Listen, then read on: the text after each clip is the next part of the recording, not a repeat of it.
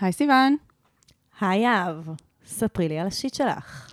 טוב, אז uh, עוד מסדרת uh, יהב בחו"ל והשיט שלה. חו"ל זה כאילו, אוי, כולנו זה חיכינו. כיף. כולנו לא, חיכינו. כן. כל המאזינים הקבועים שלנו, הם, הם ידעו שהם צריכים לחכות לזה. וכל המצטרפים, אז uh, יהב הייתה בחו"ל, ויש כן. לה מלא שיט. יש לי, וואו, בעיקר מהדרך לשם ובחזרה, אבל יש לי קצת דברים מהמקום עצמו. הייתי בפורטוגל, שזה מדינה מדהימה, לראשונה הייתי. אה, יעד אה, מאוד מדהים. מומלץ, אני ממש. חייבת להגיד. כן. לא הייתי. אני על אף. ה shit, כן, אני רציתי להגיד לך שאת והדר אה, ממליצה. בן הזוג שלי. כן, ממליצה בחום. ליסבון עיר מדהימה, באמת. אבל, כן, נכון, יש לי תמיד shit תחבורתי, נכון. אז אה, נורא ניסיתי להתעלות על עצמי, וככה להסתדר לבד בעיר זרה עם תחבורה ציבורית. ובאמת, יש שם אחלה של תחבורה ציבורית, יש מלא אופציות, יש גם את הרכבת הקלה וגם מטרו, Mm. וגם אובר, וגם אוטובוסים, וגם... nice. עכשיו, אני uh, הייתי באיזה משהו, וסיימתי מאוחר בלילה, ועדיין יש uh, תחבורה ציבורית בלילה, שזה גם משהו שאין לנו פה. יפה. ואני מחכה לכזה רכבת קלה, אבל זאת רכבת קלה כזאת, אה, לא כמו שאתם מדמיינים, מודרנית כזאת. היא כזאת, כאילו, היא היא לא נשארה... קלה, היא כבדה. כן, היא, היא גם היא כזה עושה מלא רעש וכזה טה טה טה טה. והיא נשארה מהמאה ה-19 כזה. אה, אוקיי. כן, והיא קצרה, יש שם כזה 20 מקומות בגודל של כאילו אוטובוס קטן. ואני מחכה וזה, ואז מגיע הדבר הזה, אני לא אפילו לא אקרא לזה רכבת קלה, זה, זה מגיע הקרון. הכרכרה. והיא כזה, ואני לא יודעת מה לעשות, ואני לא כל כך הספקתי אותה, אז רצתי.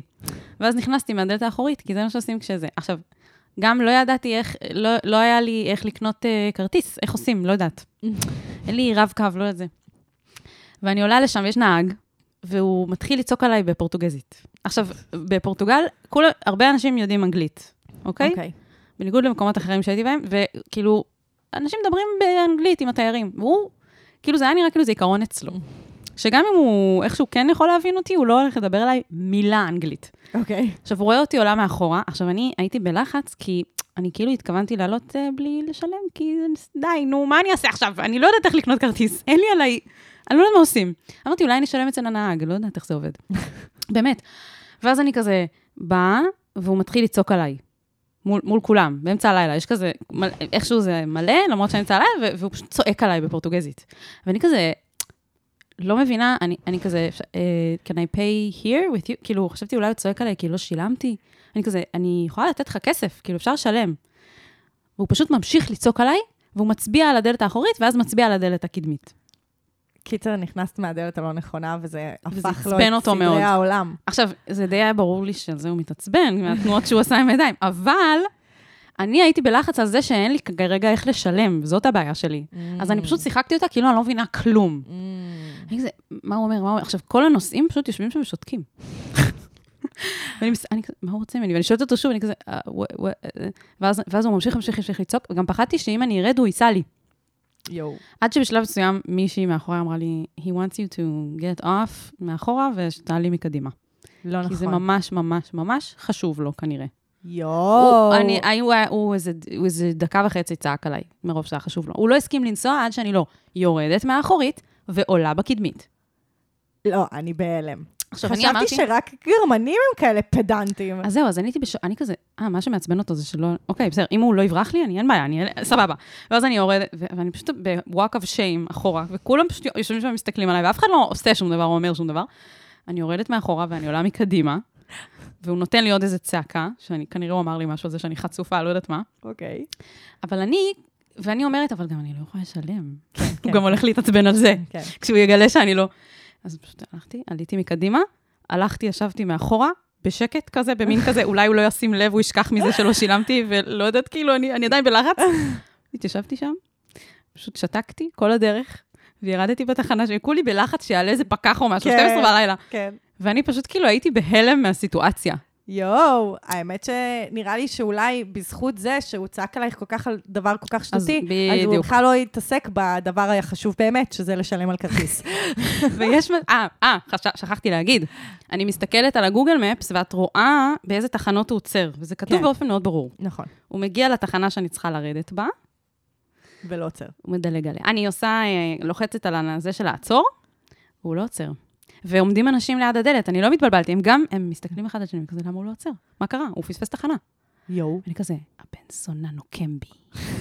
הוא לא, עשה לי בכוונה, כי הוא לא. התעצבן. תקשיבי, ואז, ואז הם כולם ירדו כזה מבולבלים כזה, למה הוא לא עצר בתחנה, כאילו, למה הוא? דילג על תחנה, ואני כזה, זה באשמתי, ואני בבושת פנים הלכתי משם עם הזנב בין כי רגליים. הוא ראה שאת לוחצת, כאילו? כנראה, כן. הוא עשה עונש קולקטיבי לכל האוטובוס הזה, או מה שזה לא יהיה. או שיש לי סברה יותר אה, סברתית, שאולי זה קשור ללילה? תקשיבי, הבן אדם, obviously היה פדנט. לא, לא, לא. הוא עצר בכל התחנות, ורק לא בזאת. ואני יואו. אמרתי לעצמי, הבן אדם הזה ממש רצה לנקום, וזה הדרך היחידה שלו. ועדיין, יואו, הוא מי לא... אכפת? נכנס מאחורה, אנשים, את וואו. מבינה כאילו? oh my god, אני באמת חשבתי שרק גרמנים הם כאלה. לא, לא, יש מלא... מה, גם פה בארץ יש מלא... יש כאילו כל מיני נותני שירות, כזה נהגי אוטובוס או לא יודעת, שכאילו מחליטים שעכשיו זה הרגע שלהם, שהם מקבלים To כוח. shine. כן, זה הרגע שלי להראות את הסמכות שלי. כן. זה היה הסיפור כנראה, לא יודעת. אני, ואני פשוט ישבתי והרגשתי כל כך רע על זה שבגללי לא עצרו בתחנה הזאת של עוד אנשים היו צריכים. אל תקחי את זה על עצמך. אל תקחי את זה על עצמך. It's not about you. זה לא כן. שלך. כן. הכל בסדר. זה נורא אה, הפתיע אותי, ובו זמנית, ברגע שירדתי, אמרתי, "פיו, לפחות לא היה עניין עם התשלום. נכון. ברור. אז כן. זה, זה קרה. וואו, טוב, אנחנו, אני מרגישה שאני צריכה קצת לעשות שיעורי בית לגבי התרבות של העם לא, לא, הפורטוגזי. לא, זה מה זה לא מייצג. תקשיבי, חוץ מזה, הכל היה ממש חלק, הכל טוב. אוקיי. סתם זה היה איזה רגע של אה, מישהו ממש היה ב power trip, וממש התעצבן, ו... מעניין. טוב, למדנו קצת על כן. פורטוגל. אז אה, אני אספר לכם, לאן הגעתם? אנחנו בפודקאסט ישראלי. אנחנו מדברות בעברית. יש בעיות משלנו. אה, כאן הגעתם ל shit של אחרים, עצות לחיים עצמם. אנחנו נותנות עצות לאנשים שכותבים לנו באנונימיות על הבעיות שלהם, uh, יחד עם חיבוק ואהבה ותמיכה. Uh, אז אפשר להתחיל? יאללה, נתחיל. נתחיל. אני ממש צריך את ה... אני ממש צריכה את זה. מה אני יכול לעשות במצב כזה?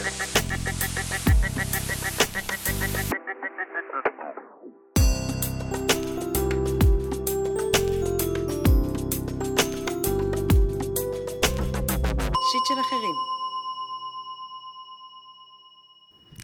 אז הפנייה הראשונה שלנו היא מרות ביידר תמסות, בת 29. אני כנראה ביטאתי את זה לא נכון, אבל הרפרנס הוא לרות ביידר גינזבורג. יפה. את יודעת מי זאת. כן, כן. כן, כן. אז למה, מה, רצית להגיד משהו? לא, כי לא הבנתי אז למה זה תמסות, ואז נזכרתי שכאילו, זה, הג- אנחנו אומרות להם לשים את השם משפחה של, אה, אה, כן, של מישהו מהעבר.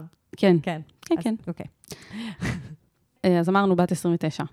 היי יהב וסיוון, אתחיל בזה שאני שרופה על הפודקאסט שלכן, והלוואי שהייתי חברה שלכן, כי אתן פשוט מגניבות בטירוף. תודה. אני מסמיקה. היא רוצה להיות חברה שלנו, סיוון, תראי איזה מגניבות אנחנו. נכון, נכון. היא גם כתבה. סיוון עם וו אחת דה, שערכת את זה החוצה. שזה הכי חשוב, כמובן. נכון. אפשר לשנות את השם של הפודקאסט במקום שיט של אחרים? לסיוון עם וו אחת. כן. אוקיי, נעבור לשיט הלא מקורי שלי. אני בת 29 מתל אביב, במקור, ואף פעם לא הייתה לי זוגיות רצינית, ולא הייתי באף מערכת יחסים שנמשכה יותר מחודשיים. רוב שנות התיכון שלי הייתי ילדה סגורה וביישנית, ביקורתית וקשה עם עצמה, ורוב הזמן הרגשתי מכוערת ושאני פשוט לא מספיק טובה. אחר כך בצבא ובשנים שלאחר השחרור, התמודדתי עם הפרעות אכילה ודיכאון שכילו את כל מי שהייתי, ולא השאירו מקום בנפש ובלב שלי לכלום. בעזרת טיפול אינטנסיבי וארוך של שבע שנים, אני יכולה להגיד שיצאתי מזה. הטיפול אפשר לי ללמוד באוניברסיטה, לעבוד ולהתחיל לצאת לדייטים, והיום אני במקום אחר לגמרי. הקטע הוא שאומנם פתרתי הרבה בעיות שהיו לי עם עצמי באמצעות הטיפול, אבל לא הצלחתי לפתור את האישיו שיש לי עם זוגיות ועם גברים. מאז שאני זוכרת את עצמי, הרעיון שיהיה לי בן זוג היה נראה מנותק ממני. תמיד הייתי מדמיינת את זה. הולכים יד ביד, הוא נותן לי נשיקה, יוצאים לסרט וכו', אבל לא מצליחה להאמין שמישהו באמת ירצה להיות איתי בזוגיות במציאות. בשנים האחרונות יצאתי עם הרבה בחורים, אבל תמיד חזר אותו סיפור. אחרי חודש, חודשיים, משהו בתקשורת מתפקשש וזה נגמר. לרוב זה כי אני נכנסת לחרדות שהוא הולך לחתוך ממני ומתחילה להתנהג מוזר. נוסיף לזה את העובדה שברוב הקשרים שלי אני מרגישה בקרב בין המינים, במרכאות. מעין מאבקי כוחות סמויים כאלו שיש ביני לבין הבחור שאני יוצאת איתו, של מי ידו על העליונה ומי שולט בקשר ומכוון אותו. למשל, אם נתקדם מהר או לא, מתי נשכב, עד כמה נשתף ברגשות או לא וכו'. זה גורם לי להיות כל הזמן דרוכה ולחוצה בקשר, ולהיות מאוד סגורה, ככה שאני לא באמת מביאה את עצמי וחושפת את הפגיעות שלי לצד השני. הבעיה היא שאני כמהה לזוגיות ואהבה ויש לי כל כך הרבה לתת, אבל לא מצליחה לגרום לזה לקרות וזה כל כך מתסכל ומייאש. אני מרגישה שהשגתי כל כך הרבה בחיים שלי, ולא היה לי משהו שלא שמתי לי למטרה ולא השגתי, חוץ מזוגיות. אשמח אם תעזרו לי לשחרר מהדפוסים האלה שחודרים לכל קשר שיש לי ומעיבים עליו ולא מאפשרים לשום דבר משמעותי ועמוק להתפתח. וואו, כמה אה, מודעות ויכולת לשים את הזרקור על מה שמקשה עליה. כן, על, על העניין. כן, זה ממש יפהפה, וגם חשבתי על זה שהסיפור שלה הוא ממש הוכחה טובה עבור הפודקאסט שלנו, שטיפול עוזר. לגמרי, כן, כאילו, היא כזה מספרת על קשיים ממש תהומות. לא פשוטים, כן. והיא ממש, ממש כזה רואים את הצמיחה שלה. ו- ושבע שנים, לא כזה ציפתה שיהיה פתרון קסם, ו- וממש, אה, זה ממש יפה. כן. רות, את, את פשוט עשית דרך, ואת כאילו סוג של, אה, אני מרגישה שפירטת לנו את כל הדרך שעשית, ואת מרגישה שיש עוד איזשהו משהו ש, שאת כאילו עוד לא בפסגה. כן. מרגישה עם עצמך שאת עוד לא בפסגה שאת רוצה להגיע אליה, למרות נכון. שטיפסת כל כך הרבה. נכון. ואני רוצה שרגע לתת לך איזה טפיחה על השכם כזה, שאת הצלחת לשקם את החיים שלך. נכון. כאילו, את מתארת בעיות שהן היו ברמה שזה, שזה זה, זה מסכן חיים. כאילו, הפרעות אכילה זה דבר מאוד מסוכן, ואת הצלחת נכון. לשקם את, את עצמך, וזה זה וואו, זה מדהים. מבחינתי את גיבורה, באמת. נכון. כאילו, עם זוגיות, בלי זוגיות, זה דבר מדהים. נכון. אז רק אה, רציתי לשים את זה על השולחן, ואני גם חושבת שהיא יודעת את זה. זהו, אני, אני כאילו- חושבת שבעיקרון כל התשובות כבר אצלה, היא כתבה לנו את התשובות לקשיים שלה, אבל אני חושבת שלפני שנגיע לתשובות שהיא נתנה, ורק אה, נבהיר לה שהיא נתנה אותם כבר, אה, נשים עליהם את המרקר, זה שהדבר שהכי הדהד לי בפנייה, זה שכן, יש שם עוד איזה גרעין של חוסר אהבה עצמית. כי, לא- כי היא עברה המון, ובתוך זה היא באמת גם כאילו קיבלה איזשהו אמון בעצמה וכוחות ו, ותחושה שהיא שווה. ועדיין, אני חושבת שיש חלקים בזה שעדיין לא הופנמו. כי בעצם כש, כשמגיע הרגע שבו מישהו בעצם יוכל לאהוב אותך, או שההזדמנות הזאת תתאפשר, אז אז מגיעים בעצם החלקים שבך, ש, שאת לא, הרי את לא מאמינה בזה. כן, את לא מאמינה שזה אפשרי. את לא מאמינה שזה אפשרי לאהוב אותך. כן. וזה לא דבר uh, פשוט. Uh, זה לא כזה, אוקיי, אז תאהבי את עצמך. כן, כן. כאילו זה כזה, כן, יש מלא ממים ו... love, כזה, כל מיני uh, משפטים אינספיריישן uh, כאלה, שהם בלתי נסבלים, של כזה, love yourself, וכזה, כזה, כל מה שצריך, זה, כאילו, אז חשוב לי שלא נשמע כזה, new age כזה, שאומרות לה לאהוב את עצמה. כן. לא, זה גם היא יודעת שהיא צריכה לאהוב את עצמה, זה פשוט, את יודעת, הדרך לשם היא לא פשוטה. הדרך לשם היא, היא לא פשוטה, ואני חושבת ש, שזה המקום גם באמת, כאילו, להיות ב, במודעות הזאת, של קודם כל להיות בחמלה לעצמך, ל- למקומות האלה שעדיין קשה לך כן. בתוכם. כי זה, כי עשית המון עבודה עם היחסים שלך עם עצמך, ועכשיו את בעצם, האתגר החדש שלך הוא יחסים עם, ה, עם, ה, עם העולם החיצון. כן. יחסים. זה, ה-next level shit. כן. כן. אה, שזה הכל תמיד חוזר גם קדימה ואחורה, כי, כי זה כל הזמן חוזר גם למערכת יחסים שלך עם עצמך, והיכולת שלך לאהוב את עצמך ולהאמין שמגיע לך את כל הדברים האלה. כן. שאין לי ספק בזה שמגיע לך. כי, גם כי מגיע פשוט לכל בן אדם, to be loved כזה. כן. אבל, אבל גם כי את באמת כאילו מספרת כאן על מסע מטורף שעברת בחיים שלך, ואת אומרת בעצמך, יש לי המון מה להעניק. אין לי כן. ספק בזה שיש לך המון מה להעניק. אני רוצה לה- להתעכב על זה שנייה. אני זוכרת רגע שהיה לי במדברן, אגב, עם אה, מישהו שהוא היה ליצן, וכל היום אה, הסתובב סביבי ודיבר בג'יבריש. והייתי כזה, די, זה מתחיל לעצבן. ואז היה איזה רגע, ואני כאילו אמרתי, טוב, אני הולכת להתעלם מזה, ואמרתי, כאילו, הייתי בשיוורון לב טוטאלי, ואמרתי, אבל, כאילו, יש לי כל כך הרבה אהבה לתת, וכאילו, איך אני, אין, אין לי למי לתת אותה, כי, כי הוא עזב אותי. ואז הוא פשוט עצר, הפסיק להיות ליצן, הסתכל עליי, ואמר לי, תתני אותה לעצמך. ואני כזה, או, וואו, אתה, אתה ממש צודק, וכזה, הפסקת להיות לש- ליצן. כן, הוא לרגע הפסיק להיות ליצן והפך להיות גורו. ואני, הרגע הזה לא יצא לי מהראש מאז, ונורא ניסיתי ליישם את זה. עכשיו, זה נשמע קצת קלישאתי וזה נשמע קצת obvious, אבל ברגע הזה שהוא הפסיק לצחוק והוא נהיה רציני, הבנתי שאני צריכה להתחיל לעבוד על זה. על לתת לעצמי אהבה. את כל האהבה הזאת שיש לי לתת לאחרים, ויש לי, ולהרבה מאיתנו יש המון אהבה להעניק. אבל ת, תתחילי בלתת אותה לעצמך. כל הדברים שאת רוצה לתת למישהו אחר, באמת, ברמה הכי קונקרטית, תתני אותם לעצמך. דברים שהייתי קונה לאחרים ולא הייתי קונה לעצמי, תקני לעצמי. כזה. כן. או, את יודעת, כל מיני דברים כאלה, וזה פשוט אה, גם easier said than done, מה שנקרא. זה גם קצת סיסמאתי כזה, אבל uh, הייתי מציעה להתחיל מהמקום הזה, של כל האהבה הזאת שיש לך להעניק. כן. פשוט תעניקי אותה לעצמך. כי זה באמת ההתחלה, כי שם תתחיל גם האמונה שמגיעה לך. כן. אני גם רוצה להגיד שאנחנו התעסקנו בעניין הזה של החרדת נטישה. כל הזמן הפחד הזה של, אוי, למה שהוא בכלל ירצה להיות איתי, ואז, ואז בעצם באה ההתנהגות שמובילה לפרידה. אז אנחנו נגענו בזה בפרק אחר, ואני חושבת שהפרק הזה גם יכול מאוד מאוד לעזור לך. אנחנו נשים אותו בלינק בתגובות. אמ, ובהקשר הזה ספציפית של מה קורה כשאת כבר מפתחת מערכת יחסים כלשהי עם מישהו, ואז הכל מתחיל כבר אה, להידרדר. כן. זהו, אז, אז אני רוצה באמת להגיע ל... איך להתמודד עם מה שאת מביאה, מעבר ל, כאילו, לפן התיאורטי, פילוסופי של קודם כל לאהוב את עצמך. כן. Um, זה שאת אמרת שני דברים שאת מבינה שאת צריכה לעשות. אחד, זה באמת להביא את הפגיעות שלך לקשר, שכבר רגע נדבר על מה זה אומר. ושתיים, זה באמת שאת מבינה שזה לא הקרב בין המינים, אבל את עדיין לא מצליחה להתנהג את זה. אז דבר ראשון, להביא את הפגיעות שלך לקשר, אני חושבת שאחד הדברים זה בעצם להסכים להיפגע, שזה מאוד מורכב. כי, לגמרי. כי את כבר נפגעת הרבה בחיים שלך והרגשת הרבה קושי, וזה מאוד מפחיד להיות במקום הזה.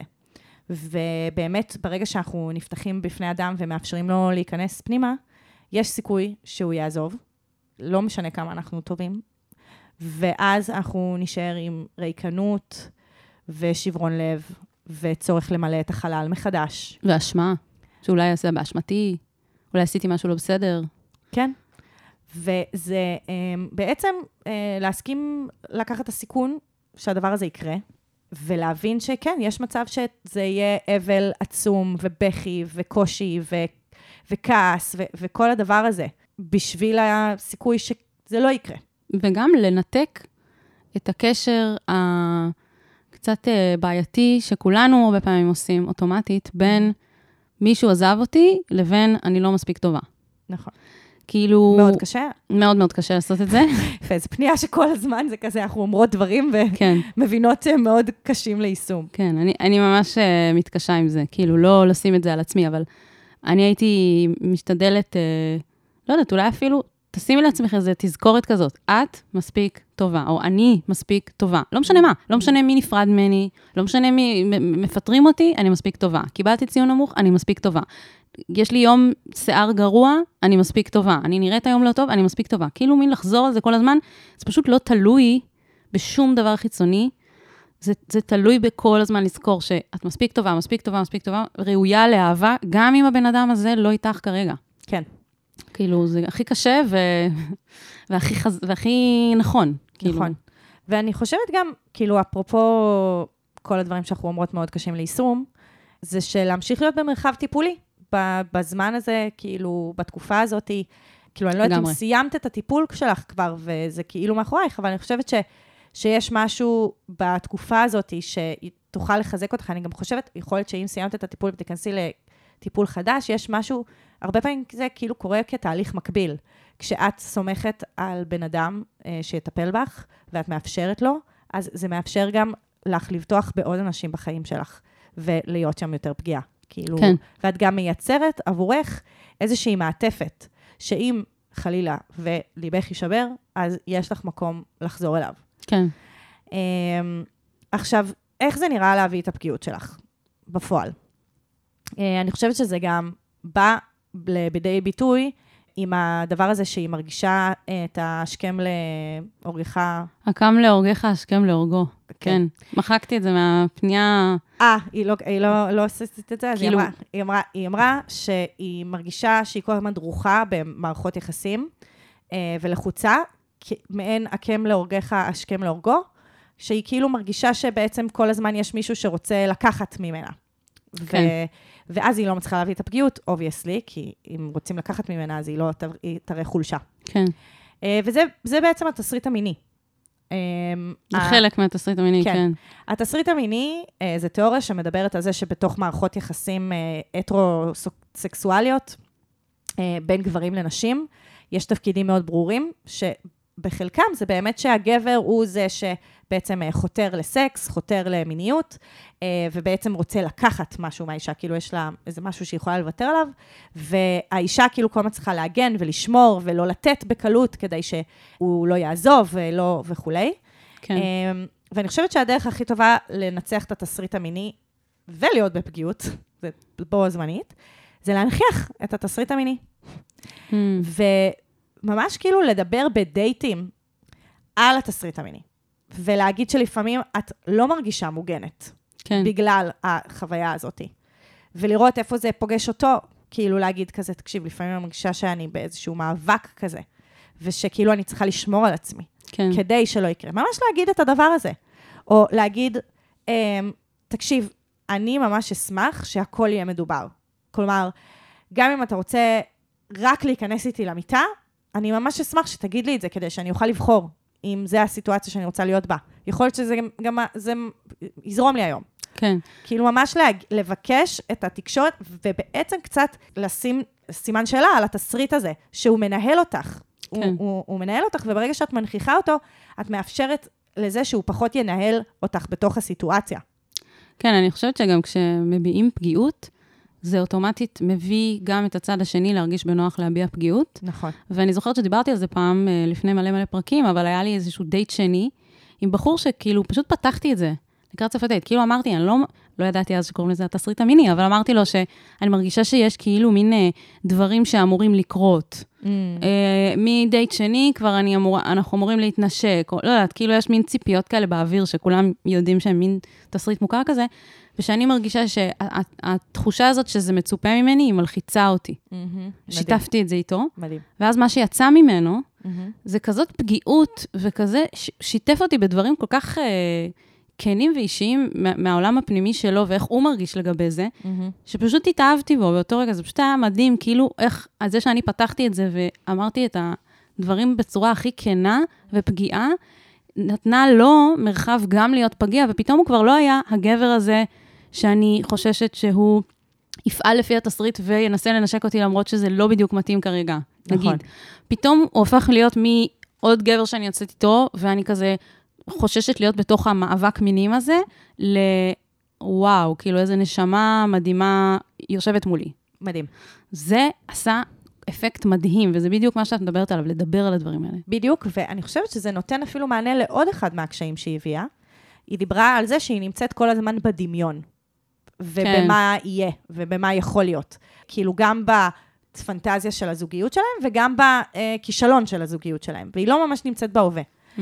ואני חושבת שככל שהיא תביא את החלקים האלה שהיא סיפרה לנו עליהם, את זה שהיא עדיין לא הייתה בזוגיות והיא כמהה לזה, את זה שהיא מרגישה שהתסריט המיני אה, אה, מנהל אותה, את זה שהיא כאילו הרבה פעמים יכולה כאילו להבריח רק מהפחד שהוא יברח, כאילו כל מיני דברים כאלה, היא בעצם מביאה את ההווה, והם מתחילים גם ממקום שהוא הרבה יותר כנה. כלומר, אין כאן את הניהול, את, ה, את הניהול רושם ואת הדבר הזה שצריך ככה להתנהל, ובעצם, אם את מביאה את זה בשלב כל כך מוקדם, את גם מייצרת בעצם מצב שאם זה למישהו זה לא מתאים, הוא יעזוב בשלב שאת הרבה פחות פגיעה בו. כן, למרות שאני חייבת להגיד אה, רגע בכוכבית, צריך גם להבין מתי, מתי יש סיטואציה שמאפשרת פגיעות וכנות ואותנטיות. כי לבוא ולהגיד, היי, שלום, נעים להכיר, אני לוחצת לך את היד ואני אומרת, יש לי חרדת נטישה, זה גם, נכון. זה, זה מלחיץ. נכון. וזה משהו שהוא כאילו, אני חושבת שגם צריך להכניס פגיעות ב- להבין מתי זה הרגע להכניס כן. את הפגיעות, ולא לא מההתחלה במובן הזה של כזה, זה הדבר הראשון שאני אומרת על עצמי, אבל כן, כשמתחילים כבר לדבר קצת יותר בצורה אישית יותר, ולשתף, ולהיפתח, אז, אז כן, אז לשים את זה על השולחן בצורה גם שהיא לא מלחיצה. היה פרק שדיברנו על זה, אני לא זוכרת מה היה הפנייה, אני זוכרת מה הייתה הדוגמה, שדיברתי על מתי לדבר על מחלות מין. נכון. אה, אולי על פגיעה מינית, מישהו שפגע ולא ידע באיזה שלב לשתף את, ה... את, Mm. את מי שהוא יוצא איתה. ואז דיברנו על כאילו באיזה שלב זה מוקדם מדי ואיזה שלב זה מאוחר מדי. נכון. ואני חושבת שהעניין זה להבין מה הקשר יכול להכיל. כלומר, איזה רמת אינטימיות הקשר יכול להכיל. אני חושבת שהרבה קשרים מסתיימים, כי הקשר לא יכול להכיל את רמת האינטימיות שנדרשה ממנו כרגע. כן. אני חושבת שבחלקים, באמת ב- בשלבים הראשונים, בדייטים הראשונים, ההנכחה היא יותר קשורה להווה, ויותר קשורה באמת ל...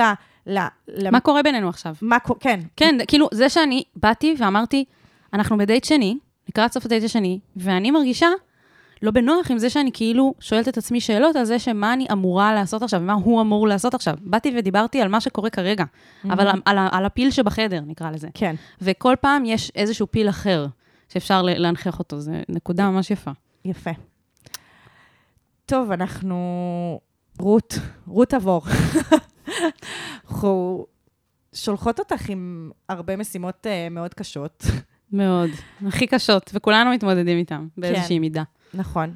אני חושבת שבאמת לייצר לעצמך uh, מרחב שתמיד את יכולה לשוב אליו ולהיות uh, מוגנת בו, גם אם זה בטיפול וגם אם זה um, עם חברות, כן, יאפשר לך במקומות אחרים לקחת יותר סיכונים. כן, ואנחנו מה זה בעדך ומאחלות לך בהצלחה. אני מתה לשמוע ממך. נכון. איך הולך? נכון.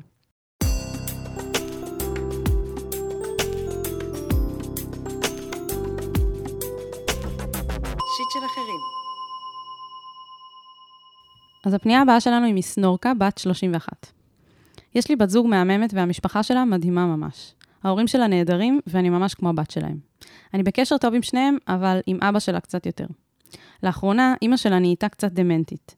היא עדיין בתהליך בירור, ונראה שהיא והמשפחה די בהכחשה והולכים ממומחה למומחה. מעבר לזה, היא נופלת המון ונחבלת, מה שמוביל לאשפוזים ובדיקות וכו'. אני אוהבת אותה ודואגת לה, ומגיעה כמה שאני יכולה לעזור לה, אם זה בהנמת זמן ולשבת לקפה, או בעזרה פיזית, או מול גורמים חיצוניים, למשל חשמלאי או טכנאי. הבעיה היא שאני כועסת עליה כשהיא נופלת. אני יודעת שזה לא בכוונה, ואני מרגישה רע כשאני כועסת. אבל כשזה קורה, כולם עושים סטופ כדור הארץ ועושים משמרות, מה שמאוד מכביד עליי. למשל, כי בת הזוג מתעכבת לחזור הביתה מהעבודה כי היא עוברת אצלה, או הולכת בערב אחרי ההשכבה של הילדה שלנו, ואני נשארת לבד. אני גם כועסת שבמקום לבזבז זמן על רופאים, היא יכולה פשוט לבלות איתנו ועם הנכדה. אני כועסת שבן הזוג הנוכחי שלה רק שולח אותה לאבחונים, אבל לא מתאים לו להסיע אותה לשם או למשפחה, ושגם אם מעירים לו על דברים, הוא משחק קורבן. מכעיס אותי שהיא מדברת כמו שהיא מדברת, לאט, לא עקבי וכו'. מכעיס אותי שהיא הלכה לאיבוד על שטות כי היא לא אמרה מה היא רוצה באמת. מכעיס אותי שאני כועסת, כבר אמרתי? אני גם עצובה שהם צריכים להתמודד עם מה שעובר על אימא שלהם. איך אני אכעס פחות עליה? על בת הזוג שלי שנוטשת, במרכאות, אותי ואת הילדה. איך אני יכולה לעזור להם? בת הזוג אומרת לי שכשאני אומרת לה שזה בסדר שהיא הולכת ושאני אתפוס פיקוד בבית, זה מה שאני יכולה לעשות. כאילו, היא אומרת לי, מה שאת עושה.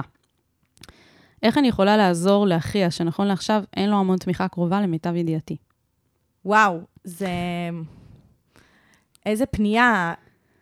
אני ממש אוהבת את האופן האותנטי שהיא יכלה באמת לבטא את כל הרגשות הלא אה, אסתטיים, אה, פופולריים, כן. אה, ראויים להערכה מן החברה, והיא כתבה אותם פה, ואני חושבת שכאילו אי אפשר שלא אל מול זקנה, התבגרות, אה, מוות, אה, להרגיש רגשות כאלה. כאילו, אי אפשר שלא.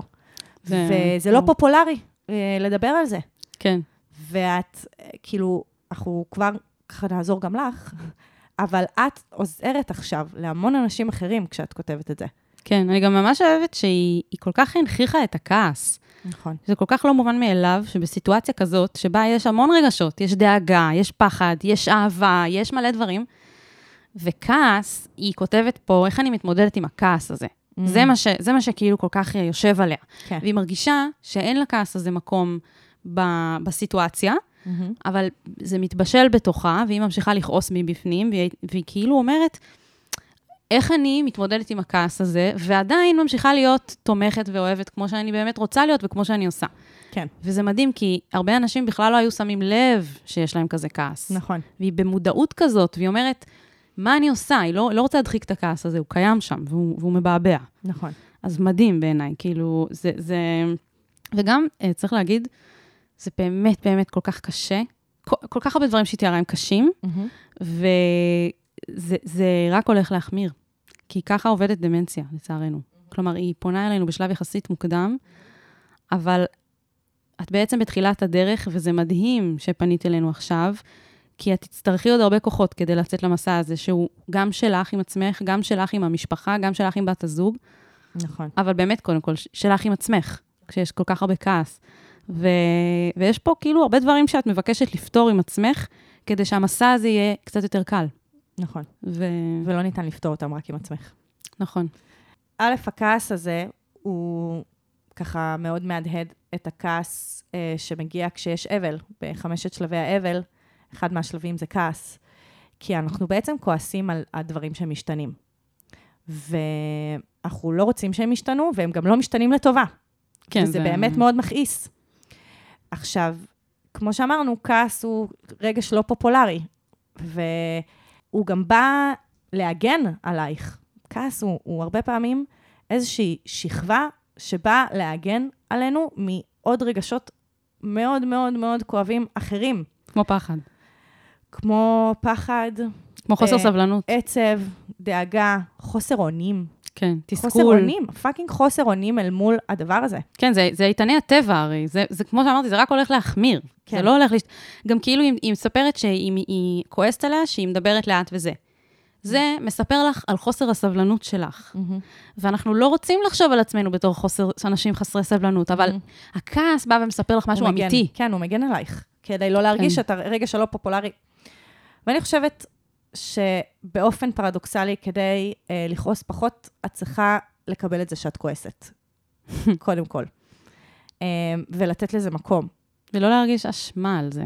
ו- ולתת לזה מקום גם בתוך הזוגיות שלכם. כן. שתוכלי להגיד בקול רם, לא רק לפודקאסט שאת כותבת בו בצורה אנונימית, שאת כועסת על כל הדבר הזה. אני בטוחה שגם בת הזוג שלך כועסת, ושגם היא הייתה רוצה לפרוק את הכעס הזה.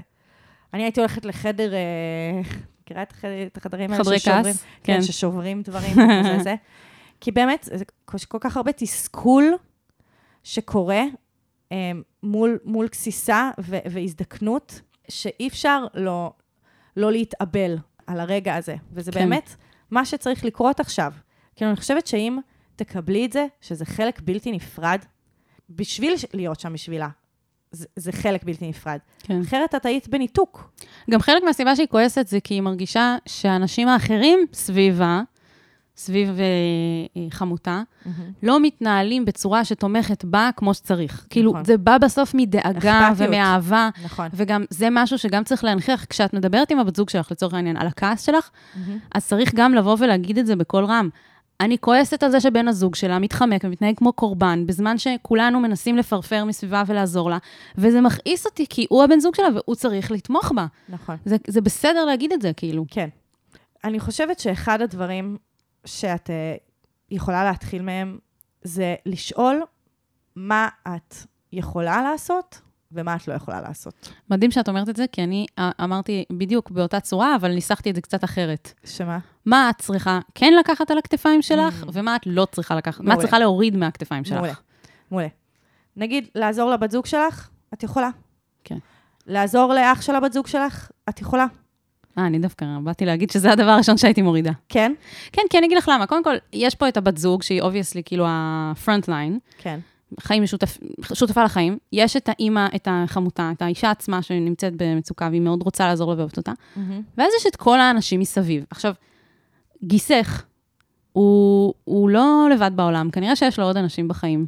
ועם כמה שאת אוהבת אותו ומרגישה קרובה אליו ומרגישה שזו אחריות שלך, כי את עכשיו משפחה שלו, כי את אה, בת זוג של אה, אחותו, עם כל הכבוד, זה, זה באמת לא אחריות שלך כמה תמיכה הוא מקבל. את יכולה לדבר על זה עם הבת הזוג שלך, אבל כאילו להגיד לה שאת מרגישה שהוא לא מקבל תמיכה, אבל שם זה די נגמר, כאילו, עם כל נכון, זהו. הכבוד. אז, אז יש כאן הבדל. כאילו, יש מה חייב להיות באחריות שלה, אלא. כן. ומה היא יכולה, כאילו, איזה חלקים היא יכולה להשפיע עליהם, ואיזה חלקים היא לא יכולה להשפיע עליהם. את מדברת על מה יכול להיות באחריותה ומה לא יכול להיות באחריותה, ואני יותר מדברת על, על מה היא יכולה להשפיע ועל מה היא לא יכולה להשפיע. כאילו, מה ב, בתוך המסגרת שהיא יכולה לעשות בו דברים ומה היא לא. אז לעזור לבת זוג שלה, היא יכולה. לעזור, לה, לעזור לאח שלה, בת זוג שלה, היא יכולה. ל, ל, לעזור בתורנויות והדברים, היא יכולה. מה היא לא יכולה לעשות? היא לא יכולה לוותר על הצרכים שלה לגמרי, וזה דבר נורא חשוב. היא לא יכולה להאט את המהלך של ההזדקנות של אימא של הבת זוג שלה. היא לא יכולה לשנות את היחסים בין האימא לבין הבן זוג שלה. חלק מההשלמה עם המצב החדש זה להבין איפה היא יכולה לחולל שינוי ואיפה היא לא יכולה לחולל שינוי. וזה יכול להוריד הרבה מהגב שלה והרבה מהאחריות שהיא מרגישה. לגבי, היא כרגע כתבה לנו שהיא מרגישה אחריות בכל המקומות. כאילו, היא, היא מעורבת רגשית בכל התאים של הקושי שהבת זוג שלה חווה. ואני רוצה, א', קצת לקחת צעד אחורה מזה, ואני חושבת שהדבר שהכי צריך ל, ל, ל, לסמן את המצפן הזה, זה הצרכים שלך. אז זהו. ומתי הם נחצים, ומתי את שומרת עליהם. אני רוצה לקחת את זה שלב עוד יותר מתקדם. מתוך הדברים שאת יכולה להשפיע עליהם. גם שם יש דברים שאת לא צריכה לקחת על הכתפיים שלך. את עכשיו- יכולה לה- להשיל מעצמך אחריויות, גם כשיש לך יכולת להשפיע עליהם. למשל, אח של uh, בת הזוג שלך. את יכולה להשפיע על זה. האם זו אחריות שלך? סורי, לא נראה לי שזו אחריות שלך. נכון? יש לך המון על הכתפיים, את לוקחת על עצמך הרבה, זה בסדר להגיד, את זה את זה אני לא לוקחת. מישהו אחר ייקח, כי נכון. יש לבן אדם הזה עוד אנשים בחיים שלו, והוא יכול להתמך באנשים, זה גם בסדר להגיד לבת הזוג שלך, נראה לי שאין לו מספיק תמיכה, ולהביע אכפתיות, אבל זה לא אחריות שלך שאין לו מספיק תמיכה. נכון. בסוף. כאילו, את יכולה להוריד את זה מעצמך. נכון, אני חושבת שכאילו המצפן שיכול לנווט את הדרך, את יודעת, אנחנו, אנחנו לא יודעות. גם יכול להיות בסוף שהמקומות שהיא תרגיש בהם יותר בנוח לתרום, זה דווקא עם האח ופחות עם האימא. כן. יכול להיות שהצרכים שלה זה לא להיות במגע עם הדמנטיות, ויכול נכון. להיות שהיא דווקא רוצה להיות בעורף ולתמוך את כל המשפחה מסביב. נכון, אבל אי אפשר הכל. בדיוק. זה, זה בטוח. אי אפשר הכל, ואני חושבת שזה באמת כל הזמן, בעצם זה מתחיל ונגמר תמיד בשיחה שיש בינך לבין הבת זוג שלך. ושבעצם להבין שגם את גורם אה, ש, שחווה את כל הרגשות שהקושי שהיא חווה עם אימא שלה מביא. כלומר, הרבה פעמים כאילו לא מתייחסים לאבל של בן או בת הזוג ש, שמלווים בעצם את, ה, את התהליך. וגם לך צריך להיות מקום לפרוק את הכאב, את הקושי, את, ה, תסכול. את התסכול, את הגעגוע, את ה, כל הדבר שכאילו, את ה... אפילו את, את הרצון לשבת בשקט בבית ו- ולא להתעסק, וכאילו, שיהיה לכם חופש ושיהיה לכם זמן משלכן.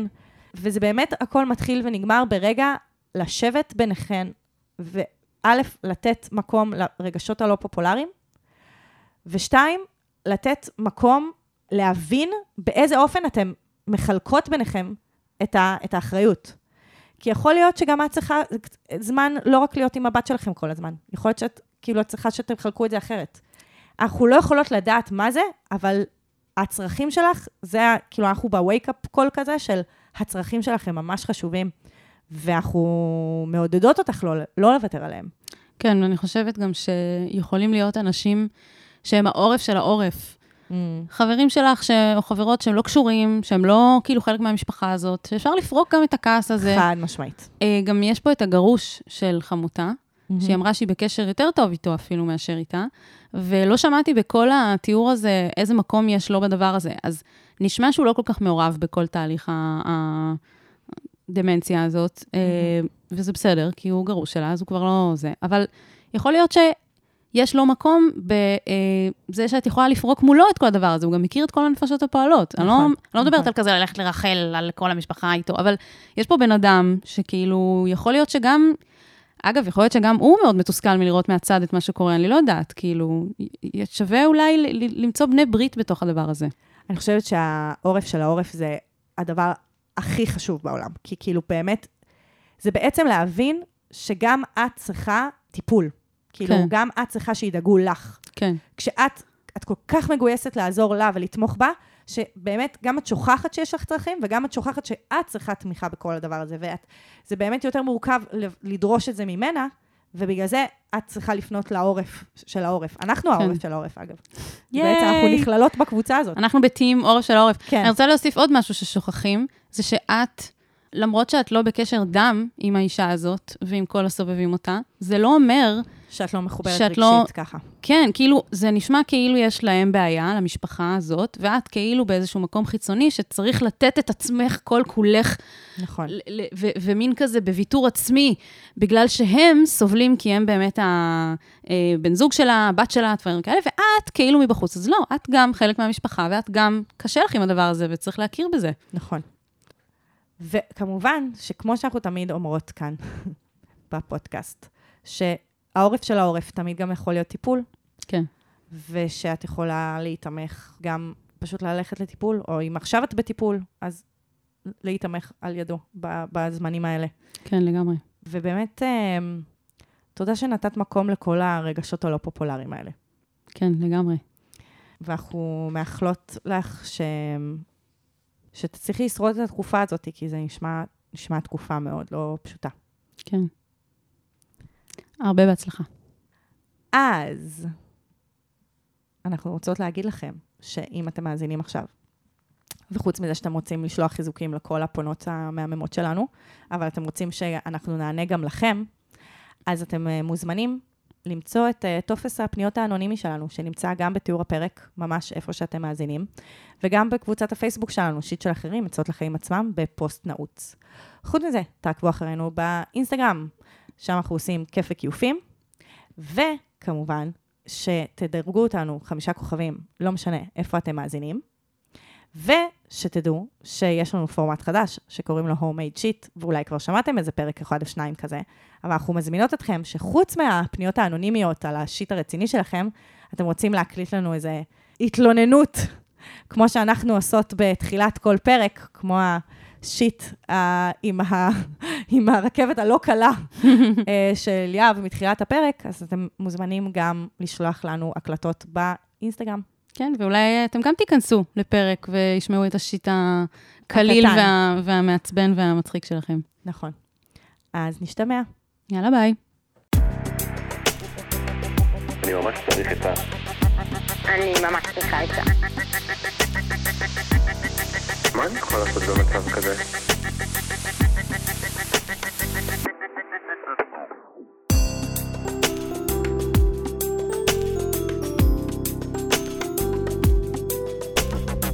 שיט של אחרים.